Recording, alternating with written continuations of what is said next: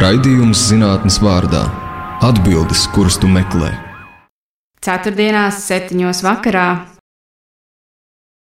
Esiet sveicināti raidījumā zinātnes vārdā. Ar jums kopā ir Ievas Siliņa. Izglītība ir tā joma, par ko viedoklis ir nu, pilnīgi visiem. Un kā nu ne, katrs no mums ir ar to lielākā vai mazākā mērā saskāries un guvis kādu pieredzi. Katrs no mums pazīst kādu, kurš šobrīd mācās vai māca. Šī ir arī joma, kurā Latvija ir piedzīvojusi virkni pārmaiņu un reformu. Tomēr nenoliedzama, ka izglītības joma patiesībā balstās uz pedagogiem. Tieši pedagogi ir tie, kas veido gan konkrētā cilvēka nākotni, gan pat visas sabiedrības nākotni, jo palīdz apgūt visas prasmes, zināšanas, nodot vērtības un rādīt paraugu. Saka gan, ka pedagoģa profesija nesot izvēle, bet misija un aicinājums. Aicinājums būt empātiskam, pacietīgam, enerģijas pilnam un iedvesmot katru no skolēniem realizēt sevi par spīti visiem izaicinājumiem, pretīgi uzdot apziņu, ka es pozitīvi ietekmēju tik daudz cilvēku dzīves. Bet vai mums Latvijā pietika šo misijas cilvēku? Ar kādiem izaicinājumiem saskaras jaunie pedagoģi un kāda vieta šeit ir zinātnē? Par to šodienas saruna raidījumā Zinātnes vārdā. Mūsu viesi ir pedagoģijas doktora un docente Latvijas Universitātes pedagoģijas, psiholoģijas un mākslas fakultātes skolotāja izglītības nodaļā Evija Latkovska. Evija skolotāja izglītības nodaļā nostrādājusi jau 12 gadus, un ikdienā pasniedz astoņus studiju kursus.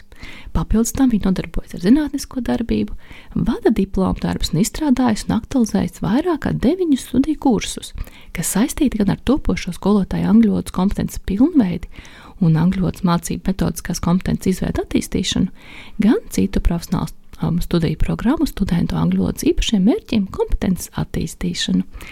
Tā tad raidījuma zinātnes vārdā viesiņa šodien ir pedagoģijas doktore Evija Latkovska. Labdien! Sveicināti! Evija, nu, tu esi bijis, tā teikt, um, ierakamiem abās pusēs. Gan strādājis skolā, gan sagatavojis tos, kuri to darīs. Kā tu pati nonāci pedagoģijā? Jā, pedagoģija savā ziņā, kā jau tie jau minēja, ir tā misijas izjūta, un uh, to ietekmi gan jūtu no ģimenes, jo mana vecā māma bija skolotāja. Mans, Misija pauģu paudzēs. Jā, tētis bija skolotājs arī kādu brīdi, un savukārt nenoliedzami mana pieredze ar skolotājiem, esot skolēnam, noteikti to ir ietekmējusi, un pēc tam jau nonākot arī pašai fakultātē, mani docētāji un savukārt arī skolā mentori noteikti šo profesiju atklāja kā ļoti patīkamu misiju. Nu, kāds ir labs skolotājs? Labs skolotājs, to mēs nu pat arī nesen ar studentiem runājām, vai tas ir vairāk, kas iedzimts, vai tas ir vairāk, kas, ko mēs iemācāmies, un uh, secinājām, balstoties arī, protams, uz pētījumiem, ka labs skolotājs, neraugoties uz to, ka tā ir tāda sirds forma, kurā jābūt ir skolotājam, ir jābūt uh, tādam skaistam vienādmalu trīsstūrim, uh, jo pirmkārt tā ir personība, lai būtu jau pieminētā empātija, un vēlme sadarboties ar skolēniem. Tad ir jāpārzina sava mācību priekšmeta saturs, tīri, tīri tehniski. Ja es esmu angļu valodas skolotājs, tad es pārzinu angļu valodu, ja es esmu matemātikas skolotājs, tad es saprotu matemātiku. Un uh, šī trešā svarīgā vienāda malu trīsstūra Mala ir eh, savukārt metodika, kā es varētu palīdzēt kādam citam iemācīties to, ko zinu es, un brīžam varbūt pat vēl labāk, lai uh, lai šis cilvēks uh, iemācītos. Vai skolotājs ir skolotājs un var mācīt visus, sākot no maziem bērniem un beidzot ar pieaugušiem lieliem cilvēkiem? Vai tomēr tā teikt, tu jā, piedzimst kā skolotājs, bet varbūt tomēr šai konkrētai grupai? Noteikti ir uh, iedalījums, ir specifika, kā jebkurā profesijā, kas der visam, neder nekam. Un arī vakar tieši ar uh, skolotājiem, kas ir praksē, uh, vidusskolas praksē, un mēs tieši pārunājām viņu sajūtas par to, kā bija pamatskolā, kā viņi jūtas tagad vidusskolas posmā. Ļoti dažādi ir vieni, kas priecājas par to, ka es tagad ar pieaugušajiem strādāju, un savukārt ir kāds, kurš saka, ah, nē, es labāk atpakaļ pie spēlēm un dziesmām, un, un tas man rada prieku. Tā kā ļoti dažādi. Nozīmē, ka katrs cilvēks, kam ir sirdī doma par pedagoģiju, varētu atrast arī savu vietiņu, vai ne? Noteikti, noteikti, jo auditorija jau ir ļoti plaša no maza bērna līdz pieaugušo izglītībai, kas ir ļoti liela arī izglītības daļa. Nu, skatoties, kā šobrīd ir darba tirgu, ir skaidrs, ka mums būs jāmācās visu savu mūžu. Tā kā patiesībā autori ir visi. Jā, mācīšanās mūža garumā, mācīšanās mūža plašumā šie jēdzieni, un pie tā mums ir, jā, ir jāsaprot, un ka tā nav tikai formālā izglītība, kur mēs beigās saņemam diplomu vai certifikātu, bet tā ir neformālā mācīšanās dzīves situācijā, mācīšanās darba vietā nenoliedzami. Tas mācīšanās viena otru neizslēdz dažādās formas. Un arī mācīšanās veselības uzlabošanai. Noteikti. Mums bija smadzeņu pētniece, kas stāstīja, ka faktiski tas veids, kā saglabāt savu veselību un prāta asumu, ir mācīties. Un pat nav tik ļoti svarīgi, ko tieši, ka tikai tas ir kaut kas savādāks un interesants. Jā, noteikti to savukārt arī varētu iespējams piekrist uh, sporta programmas studenti, ar kuriem arī es sadarbojos.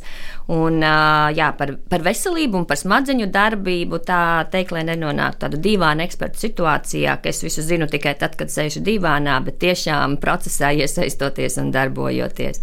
Bet sakievī, kur mums rodās skolotāji? Skolotāji, tā lielākā skolotāju kalve ir Latvijā, Latvijas universitātē.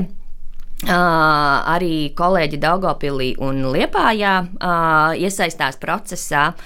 Uh, un uh, Latvijas universitātē savukārt pie uh, profesijas skolotājs var nonākt um, dažādākos veidos. Uh, ir uh, profesionālā bakalaura izglīt, studiju programmas skolotājs, kurā ir iesaistītas teju visas universitātes fakultātes un kā humanitārie studiju priekšmeti, tā arī eksaktie var tikt apgūti. Um, savukārt tie, kas jau ir apgūši profesionālā līmenī kādu Studiju priekšmetu var mācīties universitātei sadarbojoties ar nodibinājumu iespējamā misija un mācības darba vidē, darba vidē balstītas mācības.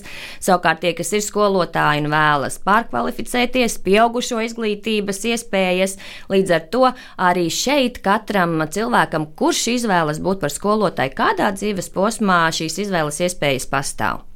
Kāds izskatās tavs tipiskais klients, nu, tas topošais skolotājs? Uh, Es teiktu, ka tas tipiskais sadarbības partneris. Uh, nu, uz to es vēlētos likt uzsvaru, jo tā sadarbība jau veidojas šajā procesā, jo tas students, kurš atnāk ar mums sadarboties, viņam arī ir jāsaprot, ka viņš tālāk sadarbosies ar saviem skolēniem. Un uh, ne, nevienā brīdī, varbūt nepārvēršot ne, nevienu par klientu tādā tiešā vārda nozīmē. Jā, jo viss notiek sadarbībā un tā vēlme uh, palīdzēt citiem kļūt labākiem. Uh, tad tas uh, students, ar, ar kuru mēs sadarbojamies, ir tāds, kurš vēlas būt skolotājs, kurš saredz sevi šajā, šajā profesijā. Tīri tehniski vairāk tās ir uh, sievietes, kas izvēlas, tās ir meitenes, studentes ar kurām sadarbojamies. Taču ļoti, ļoti priecāmies, ka ikvienā studiju kursā ir arī puiši studenti, jo Ir svarīgi, ka bērniem skolā ir skolotāji vīrieši. Tā... Kādēļ radās šī dzimuma disproporcija? Uh, tas iespējams ir tīri stereotipiski. Nu, Pagaidām, senos laikos bija tieši vīrieši skolotāji. Tādā vidusposmu stereotipu, kas ir, kas ir pārnākuši.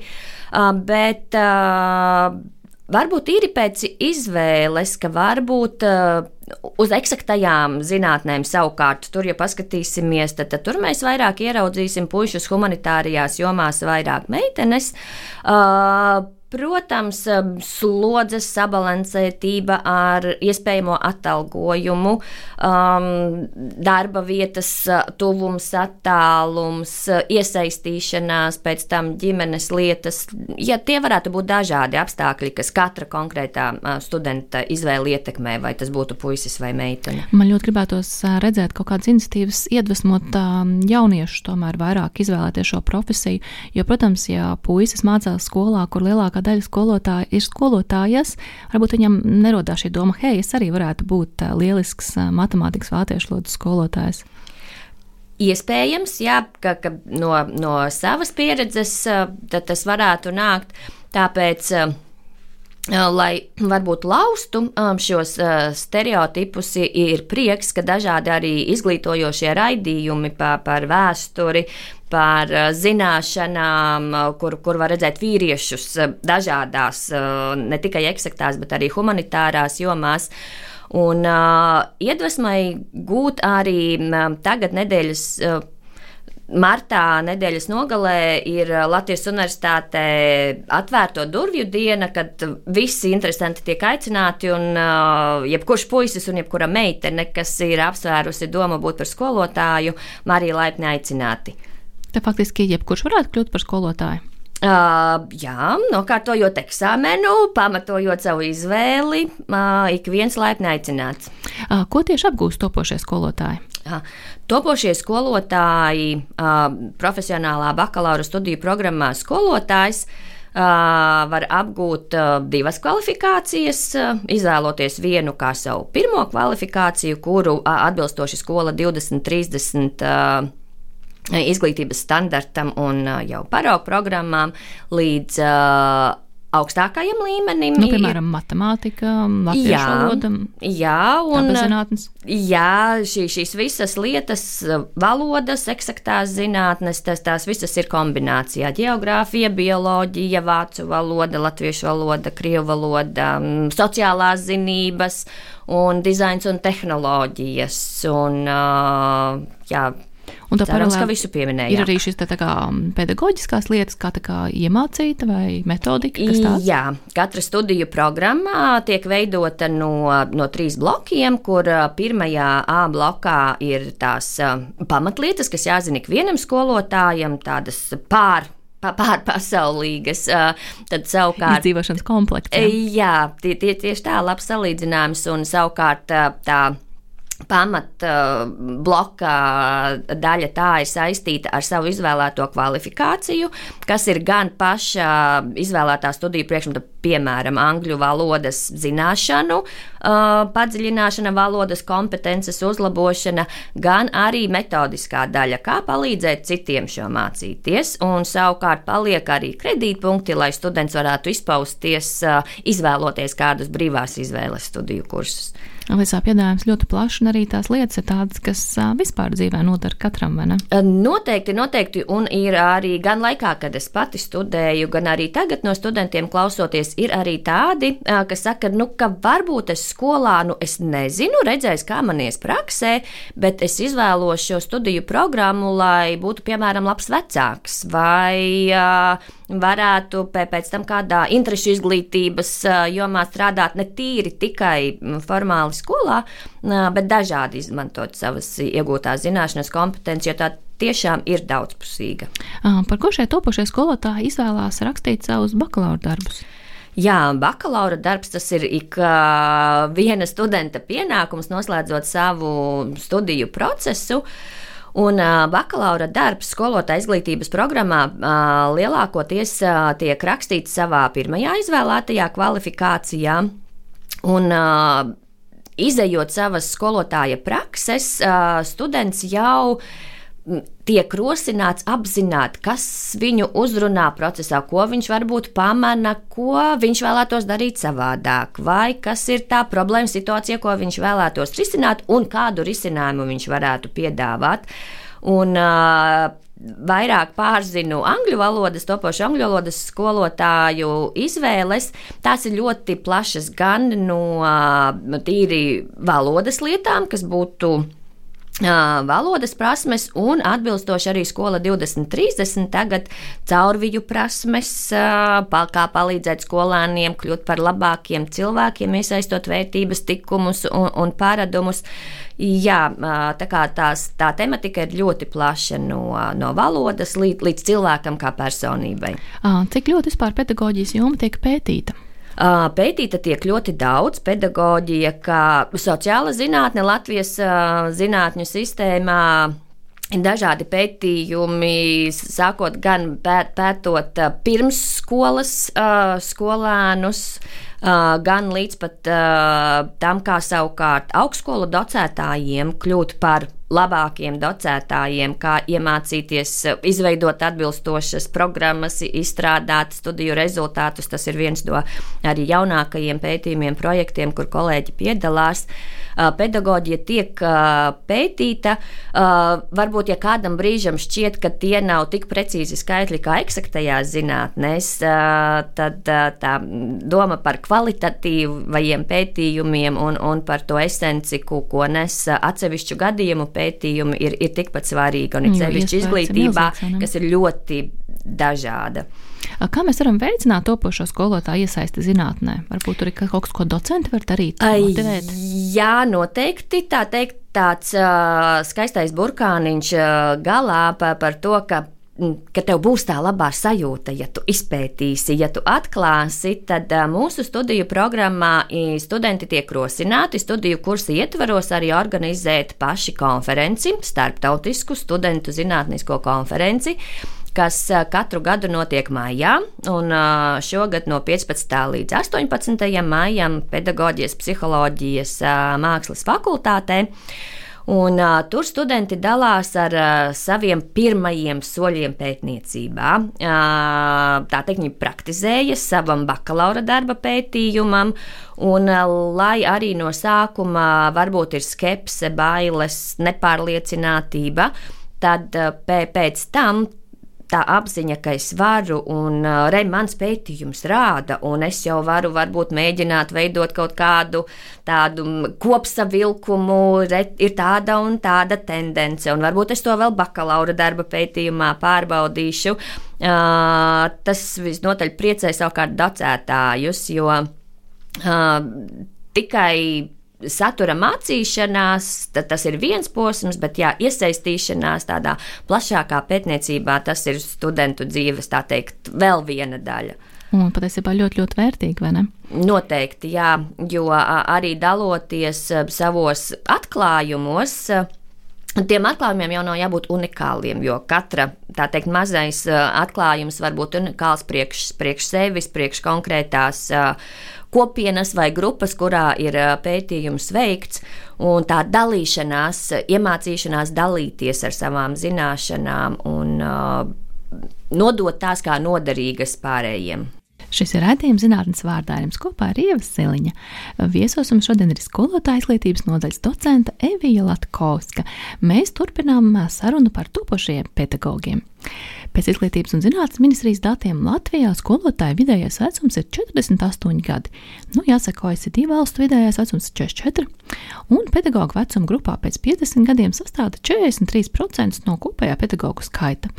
Nu, kā, protams, ir patīkami, ka mūsu bērnus māca pieredzējuši pedagoģi, tas mazliet rada satraukumu par to, vai būs pietiekami daudz skolotāju pēc gadiem, pieciem un desmit. Sakiet, kāda ir situācija ar topošiem skolotājiem? Um, topošie skolotāji tīri pēc datiem, kā studenti iestājas skolotāju uh, programmās, uh, studēt gribētāji joprojām ir, taču skaitļi mazinās, un uh, tāpēc par to būtu jādomā. Un, un tā kā tu minēji, uh, tad tā ienākšana jaunajam speciālistam skolas vidē Tas būtu noteikti viens no pirmajiem punktiem, par ko būtu jādomā, kā sniegt atbalstu jaunajam profesionālim, kurš skolā nonāk. Nu, kā tad jāsniedz pastāstīt? Jā, kas būtu ideālais būtu variants? ļoti jauki, būtu ļoti jauki, ja man sākot strādāt skolā, skola man varētu piedāvāt tādu kā draugu, atbalstu, Skolotās. mentoru.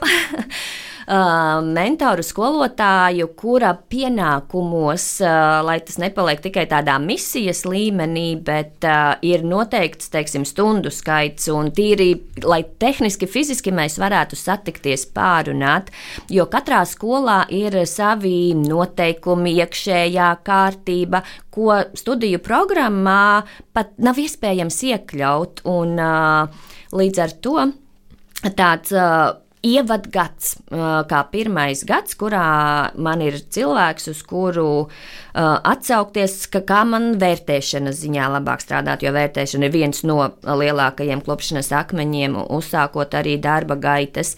Teiksim, komunikācija ar vecākiem, cik es daudz varu atļauties iesaistīties, kādi ir mūsu skolas normatīvie dokumenti šajā jautājumā. Uh, šis būtu jā, viens ļoti, ļoti jauks uh, atbalsts, um, ņemot vērā arī to, ka iekļaujošā izglītība paredz, ka vienā klasē var būt dažādi skolēni, um, skolotāji asistenti uh, arī būtu ļoti jauka reāla iniciatīva, nevis tikai iestrādāta dokumentos, bet arī lai tā praktiski strādātu. Uh, Un uh, varētu būt, skatoties arī uz citu valstu pieredzi un sakot, ka Latvija varbūt nav tāds viens unikāls gadījums, slodzes rēķināšana un tādu reālu stundu apzināšana, jo pat valstīs, kurās sociālie labumi un atalgojums ir krietni lielāks nekā Latvijā, tāpat saka, mums pietrūks skolotāju. Nesenāk, nozīmē, ka mēs neesam unikāli. Ne, ka nekādā ziņā neesam unikāli, un uh, viena no pēdējām šādām pieredzēm ar kolēģi viesojāmies Vācijā, Un runājot jā, par skolotāju jauno no piesaisti un noturēšanu, jā, arī vācu kolēģi teica, ka viņiem gludi neiet. Kā mēs varētu piesaistīt vairāk, vairāk studentu šīm programmām? Ar Iespējams, ka tas ir um, skolotāja vizuālais tēls, cik uh, prestižs saucamais. Prestižs, jā, un uh, kā skolotājs savās mācību stundās komunicē ar skolēniem, cik varbūt viņš jūtas spirgts un enerģisks, un skolēns redz, redz, kā skolotājs vienmēr jauns un priecīgs, un es taču arī tāds gribu būt, un iešu mācīšos kļūt par skolotāju. Um, šī noteikti varētu būt lieta. Un, uh, tas, ka ar sabiedrībā kopumā, ka pedagoģija, ka tas nav tā kā arī tu sākumā minēji, ka visi visu zina, bet uh, ka atzīst, uh, ja, ja skolotājs saka, nu, ka tam ir pamats, ka tas nav tikai tā, tā no zila gaisa kaut kur paņemts. Autoritāte tā teikt. Tāda pozitīva, pozitīva autoritāte balstīta uz sadarbību, jā, tā, tā es to varētu nosaukt. Nu, vēl ir tas, ka patiesībā jau Latvija nav tikai Rīga un ļoti nozīmīga daļa reģiona, kurus mēs vēlamies redzēt pārtikušus, attīstītus un ar gudru, gudru, gudriem cilvēkiem pilnus. Kā ir ar šiem skolotājiem reģionos? Vai nav tā, ka lielākā daļa mācās Rīgā? Kā mēs varam nodrošināt, ka viņi nonāk tieši tur, kur viņi ir vajadzīgi?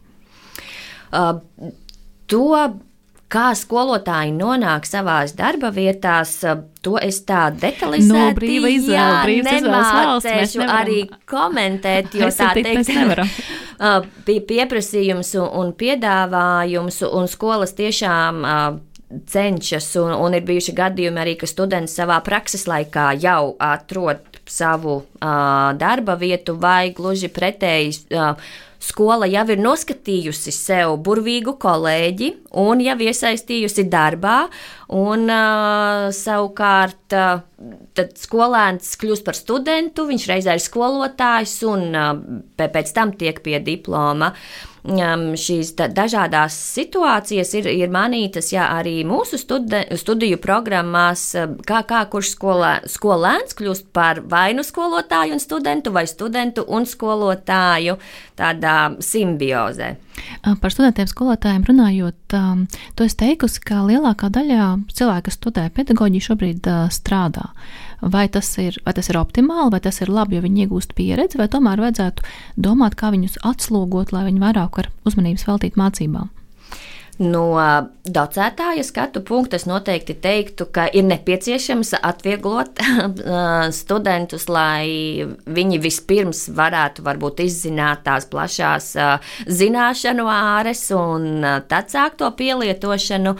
Taču realitāte ir tāda, kāda tā ir. Un, ja mūsu studenti ir tik, nu, tā teikt, avansēti un jau studiju laikā spēj māk šīs caurviju prasmes paši piemie, pie, pielietot, kas ir gan laika saplānošana, gan prioritāšu izvirzīšana, sadarbošanās, tad tas nav nekas slikts, jo, saka jau arī, jo cilvēks vairāk dara, jo vairāk izdara. Un patiešām arī pieredzes stāsti ir, ir tādi, ka ir students iesaistīts uh, pat vairākās, teiksim, skolās un uh, paralēli studē, bet viss ir kārtībā, visu var padarīt. Un savukārt, varbūt kāds students, kurš vēlas tikai uh, studēt, va, varbūt kāds darbiņš kaut kur aizķerās, jo varbūt par daudz brīvā laika.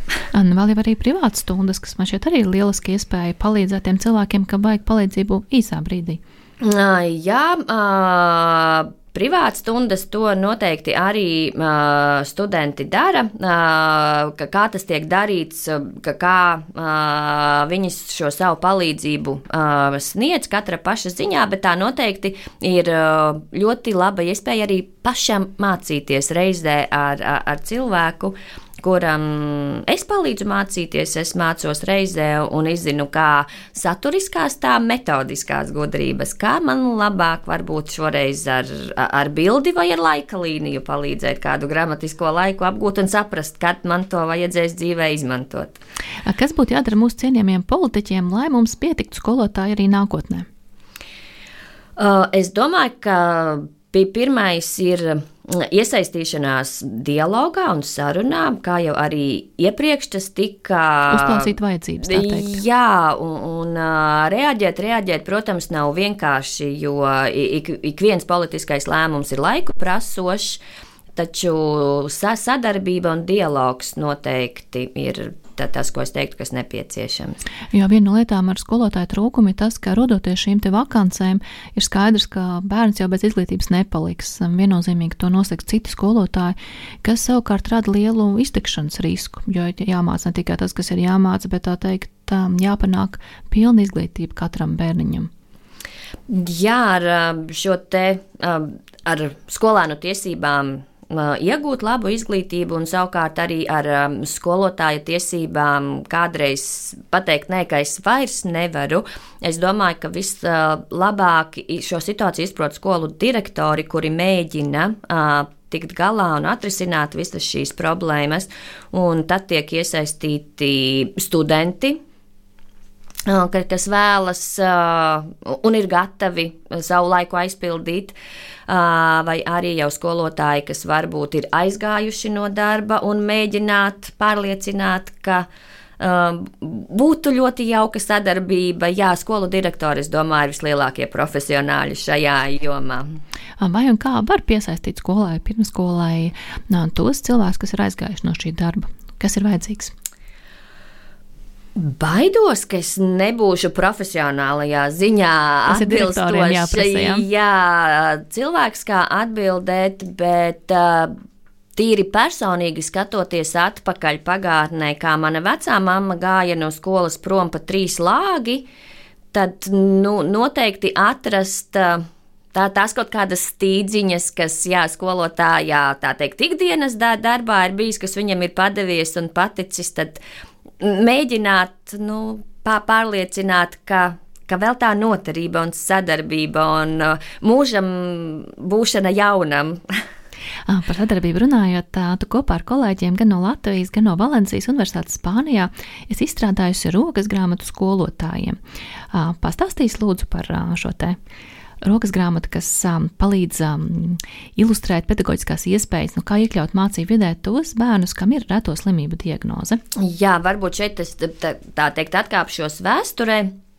Un uh, uzrunāja mani kolēģi piedalīties um, um šajā projektā, lai gan pirms tam uh, saskarē ar uh, speciālo izglītību vai bērniem ar retā, retām slimībām uh, nebija. Uh, Taču tā pārliecība, ka mēs vēlamies kaut ko darīt, un arī konsultējoties eh, tajā brīdī ar eh, Latvijā reto uh, slimību alianses vadītāju Baibu Ziemeli, mēs sapratām, ka pie mums retās slimības ir tīri tādā medicīnas stāvoklī, jo cilvēki, kam tās ir, viņi pat, pat netiek līdz izglītībai bieži vien, jo ir jāatrisina medicīniskā puse.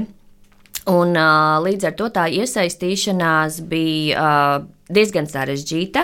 Uh, iesaistījās arī kolēģis profesionālis, kas uh, pārzina šo jomu un uh, saturiski uh, deva savu ieguldījumu. Un, uh, jāsaka, ka rokas grāmata ir. Uh, Varbūt tāda teorētiska, varbūt tāda teorētiska, jo arī atrodoties uh, vizijas atdraudzības vizītēs un, un skatoties, kā tas notiek citur, tad mums vēl ir daudz, daudz uh, garš ceļš ejams, bet vismaz ir ideja par to, ja es kā skolotājs skatos uh, sadarbībā ar vecākiem, ka varbūt ir bērns, kurš var, kurš tīri fiziski var atrasties uh, ikdienas skolā, uh, izglītības procesā, ka, lai e, es būtu informēts, ko, ko darīt tās pirmās lietas, varbūt tas būtu sadarbībā ar skolas tehnisko personālu, skolēnam galda augstums vai krēsla augstums, vai, vai varbūt viņa atrašanās, cik ir vajadzīgs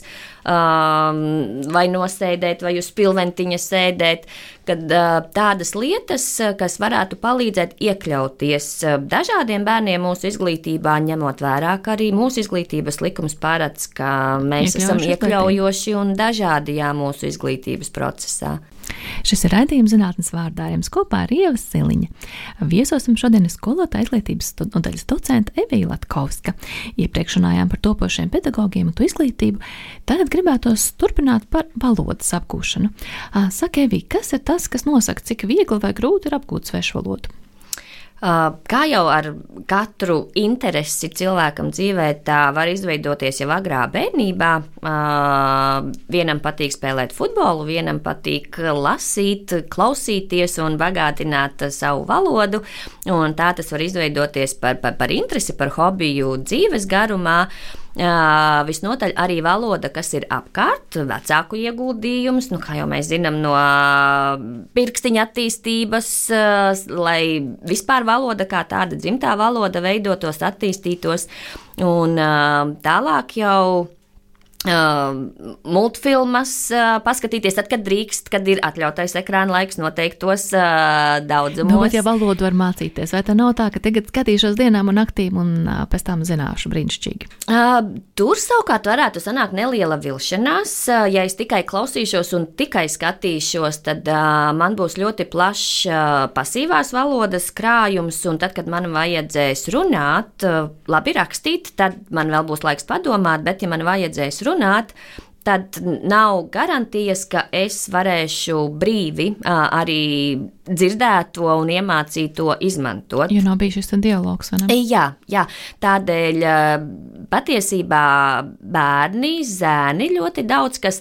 Uh, tādā darbībā izmanto, piedaloties uh, datorspēlēs, komunicējot, uh, un tad arī veidojas tā tendence, kas jau ir uh, arī runāta sabiedriskajos mēdījos par to, kā anglicismi ienāk jauniešu dzīvē. Arī ja, mums mājās dēls spēlējot datorspēles, vi, viņš zina jēdzienu, kas viņam tur ir lāde jāatver, bet tas tiek teikts angļu valodā. Nu, pārjautāt, tu zini, kas tas ir latviešu valodā? Nu, laikam jau zinu, bet tā, tā doma jau aiziet angļu valodā vispirms. Bet tā sanāk, ka faktiski šīs spēles ar dialogu valo, no valodas mācīšanās ziņas ir efektīvākas nekā vienkārši pasīva filmu skatīšanās. Uh, savā ziņā tā varētu būt, uh, taču atkal ir jāskatās, cik mēs esam dažādi. Uh, jo vienam šī komunikācija būs brīva, uh, nepiespiesta, bet savukārt, klādi, jā, savukārt, uh, ja kādam vai varbūt introvertākam cilvēkam tieši lasīšanās, klausīšanās, teiksim, subtitri, un uh, pēc tam varbūt tādam draudzeņu grupiņa, nu, tīri stereotipiski varbūt arī, ka meitenes nav tik uh, datorspēļu spēlētājas. Un, uh, ka viņas savā starpā kādas savas lietas pārunā, izmantojot to, ko viņas ir filmās uh, dzirdējušas. Tā, tas savukārt varētu nostrādāt šādā veidā. Kādas metodikas vispār tu ieteiktu, ja cilvēks mūsu klausītājs vēlas apgūt kādu svešu valodu? Mm -hmm. Te es noteikti varētu atsaukties uz pavisam uh, jaunu, uh, tā, tā teikt, uh, svaigu informāciju, jautājot saviem studentiem, pirmā kursa studentiem, kā viņi ir mācījušies valodu Un uh, dominējošais uh, ir klausīšanās, skatīšanās, uh, zināmā brīdī ar subtitriem, zināmā brīdī subtitru izslēgšana, lai nav koncentrēšanās tikai uz uh, rakstīto vārdu, bet tieši klausīšanās prasmes veidošanu, un pēc tam savukārt iesaistīšanās jau skolas laikā dažādos Erasmus projektos ceļojumos nebaidīties izmantot to, ko es zinu, jau tīri šī te produktīvo valodas prasmju izmantošana. Kā ar aplikācijām, dažādām digitālām platformām? Tas ir kaut kas, kas ir labs un atvieglo skolotāju darbu, vai kaut kas, kas to apdraud? Neapdraud, katrā ziņā neapdraud, vai atvieglo tas noteikti varētu būt skatīties procesā, kā skolotājs iekļauj, jo arī nu, pat popularitāti gūšais chat GPT IT. To, to var izmantot arī skolotāji savā starpā, savā darbā. Ne tikai skolēni, tiešām. Tiešām, jā varētu būt pat uzdevums lūgt skolēniem radīt tekstu un, un pēc tam analizēt, vai mēs atpazīstam un atzīstam par labu esam. Varbūt kāds vārds, ko tehnoloģija izmanto, e, es varu aizņemties, iemācīties, vai savukārt man šķiet, ka nē, tehnoloģija gluži manu domu nav sapratusi, un man no cilvēc, cilvēciskā faktora puses būtu kaut kas jāizmaina šajā tekstā. Kā analīzes materiāls, neviena lieta pati par sevi nav tikai laba vai slikta. Nu, pareizi, arī atgriezeniskā saites sniegšana, jo attiecībā uz Latvijas vēsturi tur ir ļoti daudz neprecīzu faktu un uh, jūku. Un kamēr tu neskaidro šim algoritmam, kā tad ir patiesībā, viņam būs problēmas ar Jānu Pliekšānu un tā vēsturi. Jā, tādēļ skolotāji noteikti, es domāju, var nesatraukties, jo cilvēciskais faktors jebkurā gadījumā paliks, lai cik tālu arī tehnoloģijas iet šajā jomā. Bet atgriežoties vēl pie tava jautājuma, cik daudz tas var palīdzēt, arī Brīžam tas var būt tīri tehniski, un, ja es kā cilvēks pati mācīju, mēģināju mācīties spāņu valodu kopā ar meitu, izmantojot uh, Duolingo platformu, un es secināju, ka es tīri tehniski jau tā kā esmu apgūsi, jo es esmu sapratusi teikumu struktūru un ko man platforma piedāvā, ko es tur ielikšu. Un tad domāju, aizbraucot pie kolēģiem uz Valenciju, nu es tagad runāšu spāniski. Nu, tieši tā kā vajag likt lietā. Vairāk par uno kafē con leche gan jau, ka man nesanāca.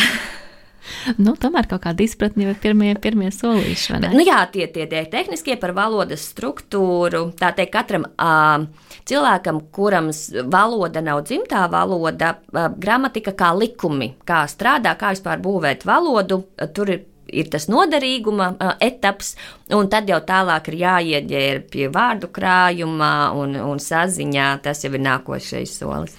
Katram pedagogam sanāk ir jāatsvaidzina zināšanas. Uh, vai valodas skolotājiem ir kaut kādi īpaši pienākumi šajā vai īpašās metodes? Īpašie pienākumi un metodes nav gan. Uh, jebkuram svešvalodu skolotājam, kā ikvienam skolotājam, ir tā teikt obligātā profesionālā pilnveida ar stundām un uh, piedalīšanos un uh, būšanu visdien, visu laiku tā tā mm, tapā un apziņā, ka es zinu, kas notiek riņķī.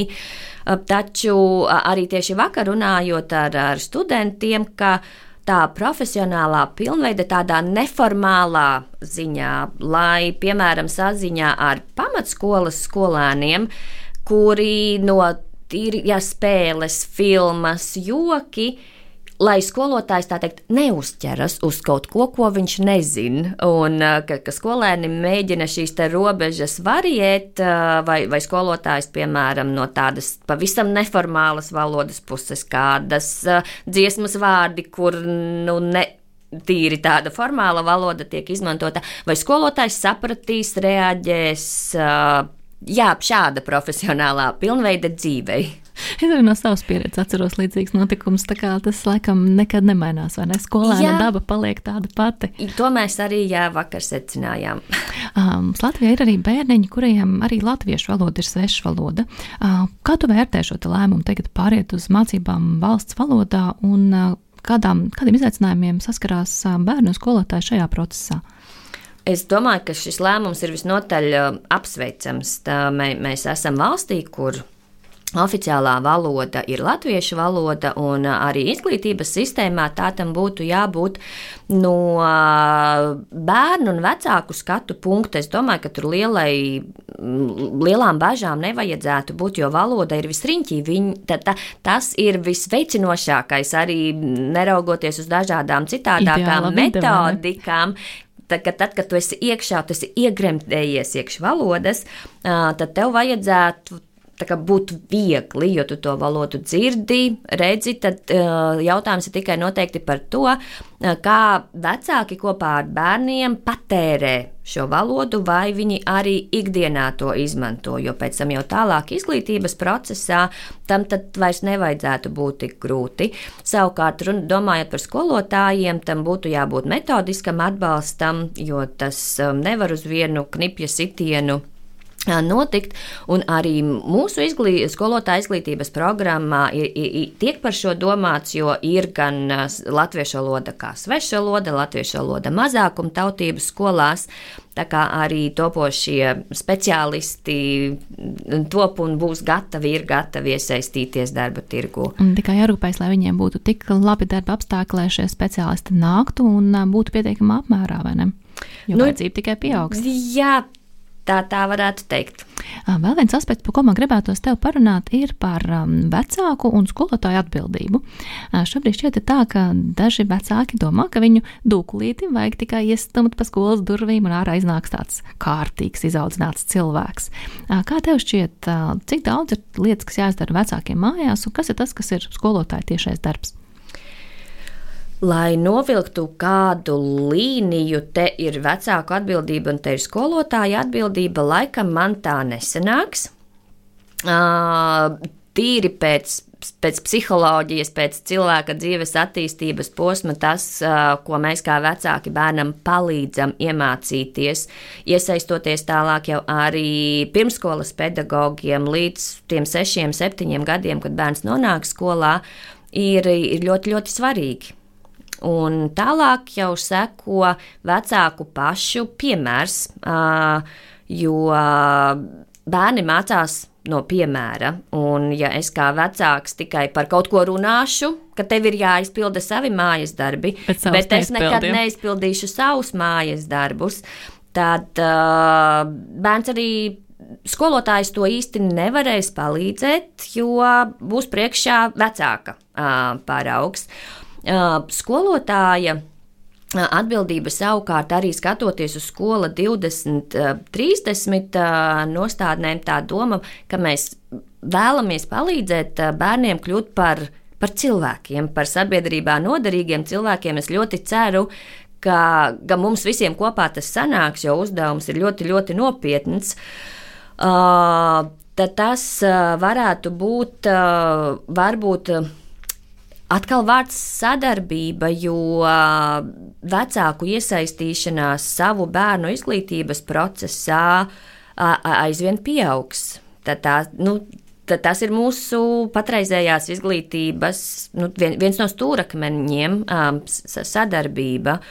Un tīri varbūt jā, paliek priekšmeta zināšanas, saturs, Taču tās caurviju prasmes, kas iet, tas, to, to nav iespējams izdarīt tikai skolā, jo tā, tās prasmes, kas ir iet visai dzīvei cauri, tās Vai nav skolā piemērus, kas tieši šīs caurviju prasmes, ja kāds klausītājs nav dzirdējis? Jā, caurviju prasmes, tās ir prasmes, kas, tā teikt, nepiedar vienam konkrētam mācību priekšmetam, Uh, bet bet tās, tā, tās ir visur. Um, piemēram, spēja sadarboties, uh, kritiskā domāšana, kādus materiālus atlasam, kādām ziņām uzticamies. Uh, es kā pilsonis līdz atbildīgs par lēmumu pieņemšanu jau, teiksim, daba, ilgtspējība, zaļais kurs, arī dzēna tehnoloģiju izmantošana, tehnoloģiju gudra izmantošana, nevis tikai spēlītēm, bet, ja man ir jāsagatavo uzstāšanās, prezentācijas, mācējuši atrast uzticamu informāciju tehnoloģijās. Um, spēja, prasme mācīties pašam, būt atbildīgam par savu mācīšanos. Jā, sešas, sešas ir galvenās Nu, caurvīju prasmes mūsu izglītībā. Kas katram vajadzīgs, vai ne? Jā, tad, tad, tāpēc es saku, ka tas nebūs tikai skolas rezultāts, jo šīs prasmes jau veidos pat, pat iepriekš, pirms bērns nonāk arī skolā. Man ļoti patīk, kā Mišela Obama ir teikusi. Viņa saka, ka viņa audzina atbildīgus pieaugušos. Un tas arī kaut kas, pēc kā es savā dzīvē vados um, savā ģimenē. Nu, tad, kas būs tās lietas, ka šim atbildīgajam pieaugušajam būs vajadzīgs. Un, protams, ka viņam vajadzēs ļoti daudz dažādas lietas, kas skolā nav iemācāmas, vai ne vienkārši no praktiskās lietas dzīves, zinot, kā lai būtu patstāvīgs un varētu, varētu dzīvot, varētu izdzīvot un uh, būt laimīgs šajā procesā. Jā, tā noteikti varētu teikt. Un viena no lietām jau tas pirmais solis, ka mācīties, mācīties, mācīties un mācīties saprast, ka es mācos priekš sevis, savai dzīvei, tā lai tā atbildība nav tikai skolotājs man neiemācīja, bet pēc tam pajautāt, vai es kaut ko darīju, lai pats kaut ko iemācītos. Nu jā, tur jātājums, cik daudz bērni, bērni jūtās motivēti iet uz skolu un mācīties un sev, jo šobrīd arī tie, kas ir mazliet zaudējuši šo motivāciju sajūtu, jautājums, kāpēc un kā viņiem atgūt šo dzīves prieku, mācīties prieku tas varētu būt jā, visas sabiedrības eh, evolūcijas, revolūcijas noteikti jautājums, un eh, psihologi noteikti mums mācētu atbildēt precīzāk uz šo visu, jo motivācija, jā, iesaistīšanās, gatavība, tas ir jā, arī svarīgs, ļoti svarīgs aspekts. Kā tev liekas, kā atbildība ir STEM izglītības popularizēšana? Jo faktiski skaidrs, ka STEM būs vajadzīgs, bērni vēlas apgūt profesiju, kas būs pieprasīta, labi atmaksāta nākotnē, bet vai STEM tiešām tiešām ir pietiekami atzīti šobrīd? Pēc, pēc skaitļiem un tādām lietām es tev nemācīšu atbildēt, bet raugoties uz to, kā aizpildās studēt gribējošo vietu skolotāju programmā uz eksaktajām zinātnēm, tad pārāk liela aktivitāte nav. Jāsaka, varētu būt labāk. Jā, mēs noteikti varētu vēlēties, ka vairāk studenti izvēlētos kļūt par, par geogrāfijas, bioloģijas skolotājiem. Uh, un tādējādi palīdzot nākotnē skolēniem to apgūt. Tā popularizēšana skolas vidē, es domāju, ka tie centieni jau ir. Centieni ir dažādi, ar uh, tādu uzsvaru no, no, no ministrijas puses, no nozares profesionāļiem, un uh, tad ir arī, es domāju, tas, tas skolotājs, kas ir skolā, un kurš var palīdzēt. Uh, Nu, tīri stereotipiski, vien, nu, es skolas laikā, ka, ka vispār tik līdz sākas matemātiskas uzdevumus, ne lielas acis, un es jau vairs neko nesaprotu. Tad, tad skolotāja spēja man palīdzēt kaut kādā veidā nonākt līdz tam risinājumam un apziņai, ka oh, tas ir klauni, es to varēju izdarīt. Mēs atgriežamies pie skolotājiem, pie sava mācību priekšmeta zināšanām un tās metodiskās puses un galu beigās personības. Un arī patiesībā ģimenes, kur tiek teikts, ak, vai nē, matemātika, ak, šausmas, šausmas, vai tiek teikts, hei, forši, te būs matemātika, un super, te būs fizika, jo fizika jau patiesībā tā ir mūsu apkārtējā vide, to var izprast um, savu dzīvi. Jā, no, no noteikti, jā. Kas tavuprāt ir tās prasmes, kas vecākiem būtu jāiemāca saviem bērniem, lai bērns būtu gatavs izglītībai? Lai bērns būtu gatavs izglītībai. Uh, tā ir patstāvība, un tā ir bērna nebaidīšanās nonākt situācijās, kuras viņš nepārzina, un gatavība jau viņa vecumam atbilstošu lēmumu pieņemšanām.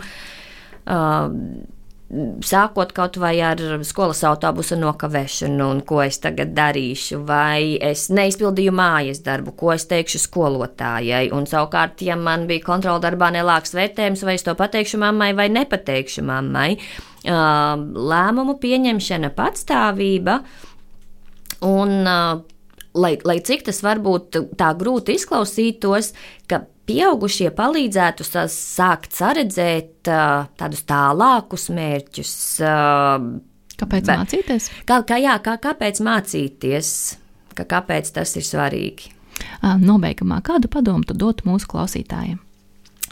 Mūsu klausītājiem es teiktu tā, ka tā mūsu jau pieminētā mācīšanās dzīves garumā un dzīves plašumā un apziņa, ka tie vienmēr nav tikai diplomi un certifikāti, bet ka katras dienas beigās mēs, atskatoties atpakaļ, varam pateikt, jā, tā gan ir viena tāda lieta, ko es iepriekš nezināju vai biju jau aizmirsis, un es šodien kaut ko jaunu iemācījos. Paldies! Evīna, no sirds priecājas tiem panākumiem, tavā sirds darbā, novēlu panākums arī turpmāk. Atgādina, ka redzījums nādas vārdā viešņa bija Latvijas Universitātes pedagoģijas, psiholoģijas un mākslas fakultātes skolotāja izglītības nodaļas docenta Evija Latkovska. Studijā bija Vasiliņa. Lai sekot jauniem mūsu radio, atceries piesakot at radio naba kanāliem, sociālos tīklos Facebook, Twitter un Instagram. Lai jums visiem izglītojuši vakars! Atā! Raidījums zinātnes vārdā Atbildes, kuras tu meklē. Ceturtdienās, septiņos vakarā